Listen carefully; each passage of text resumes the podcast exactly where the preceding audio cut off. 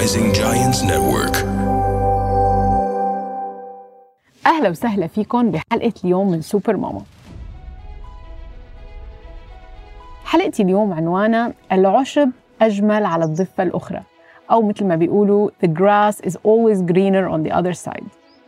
ما بعرف ليش بدي أحكي بهالموضوع بس يمكن من كتر ما هو شائع. هاي المقولة رمز لأنه دائما الشيء اللي عنا إياه ما مكفينا. أو بدنا غيره. ما بعرف شو التفسير النفسي للموضوع بس رح أعطيكم أمثلة. يعني لما بنكون مو متجوزين بنضل بس عم نحلم باليوم يلي رح يجمعنا في الاستقرار والزوج والبيت لحالنا. ما بنشوف السعادة ببيت أهلنا ولا بلمة العيلة. ما بنشوف السعادة بأنه نحن عايشين حياة بلا مسؤوليات.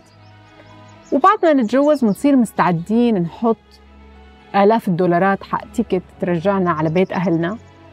ونقعد بلمة العيلة يلي نحن كنا عم نهرب منها لسنوات. قبل الأولاد بنأجل كل أحلامنا وكل تطلعاتنا لبعد ما يصير عنا أولاد. ولما بيصير عنا أولاد بنصير بنقول لهم أوعى تحبلوا أو تجيبوا أولاد لأنه ما حتستمتعوا الأولاد كلهم عذاب. بس يكبروا الأولاد بنرجع بنقول يا ريت يرجعوا صغار لأنه لما كانوا صغار كنا كتير مستمتعين فيهم. وكانوا كتير cute وحلوين أما هلأ الوضع أصعب. لما كنت ما أشتغل لفترة قصيرة بحياتي ما بتذكر إني كنت أستمتع بفنجان القهوة الصبح كنت بس عم بدور على شغل وكل يوم بقدم CV ات وبفيق ب stress وبنام ب stress. ولما صرت أشتغل لفترة طويلة كمان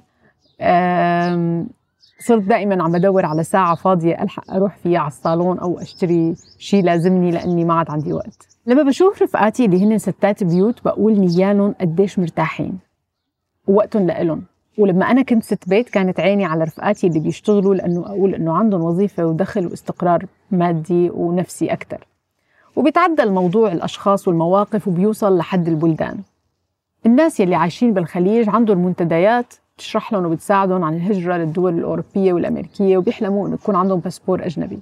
والناس يلي هونيك عندهم حلم إنه يجوا يشتغلوا بالخليج وبيقولوا لنا أنتم عايشين برفاهية وعايشين بجو عربي نحن بنحلم فيه. دختوا معي صح؟ فعلا هي الحياة بتدوخ هيك.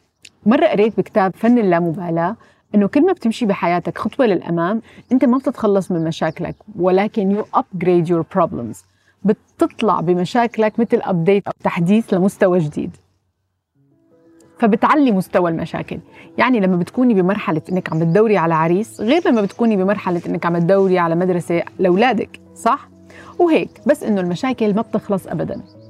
بهالحلقة اللي عم بحاول أقوله هو العشب مش أكثر اخترارا على ضفة أخرى بس العشب هونيك بعيد ولأنه أبعد الشمس عم تضرب عليه شوي. كتير حلو إنه نطمح وإنه يكون عيننا لفوق وإنه عم ندور على مستوى أحسن وبدنا نتقدم بحياتنا. بس في فرق بسيط بين التقدم والطموح وبين عدم الرضا والطمع. المعادلة اللي لقيتها لهذا الموضوع إنه كل مرحلة بالحياة فيها شيء حلو. وما حتشوفه لحتى ينتهي فصرت دائما عم بدور على الجمال بالمرحلة اللي نحن عايشين فيها هلأ. بس آه، ينتهي بتلاقي حالك انتبهتي على قيمته لذلك حاولي من هلأ تنتبهي شو الحلو بهالمرحلة هلأ. والشيء الثاني اللي عم تشوفيه بعيد وتتمنيه تأكدي إنه فيه جوانب سلبية ما راح تبين هلأ.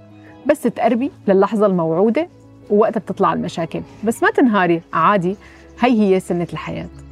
في شعرة صغيرة بين إنه بدي أحسن حياتي ووضعي وقد ما فيني أحاول أتقدم وبين إني أكون مستمتعة بالرحلة اللي أنا فيها ومستوعبة إنه ما كل شيء بإيدي وما كل ما يتمنى المرء يدركه. العشب نفسه وما مخضر أكثر بمكان تاني بس تطلعي على الأمور من الناحية الصح واستمتعي دائما بالمرحلة اللي أنت فيها لأنه بس راحت بتصيري بتشتاقي لها وبتحسي إنه كان بدك إياها ترجع لحتى تستمتعي فيها أكثر وهي كانت حلقة اليوم من سوبر ماما. بشوفكم بالحلقة الجاية.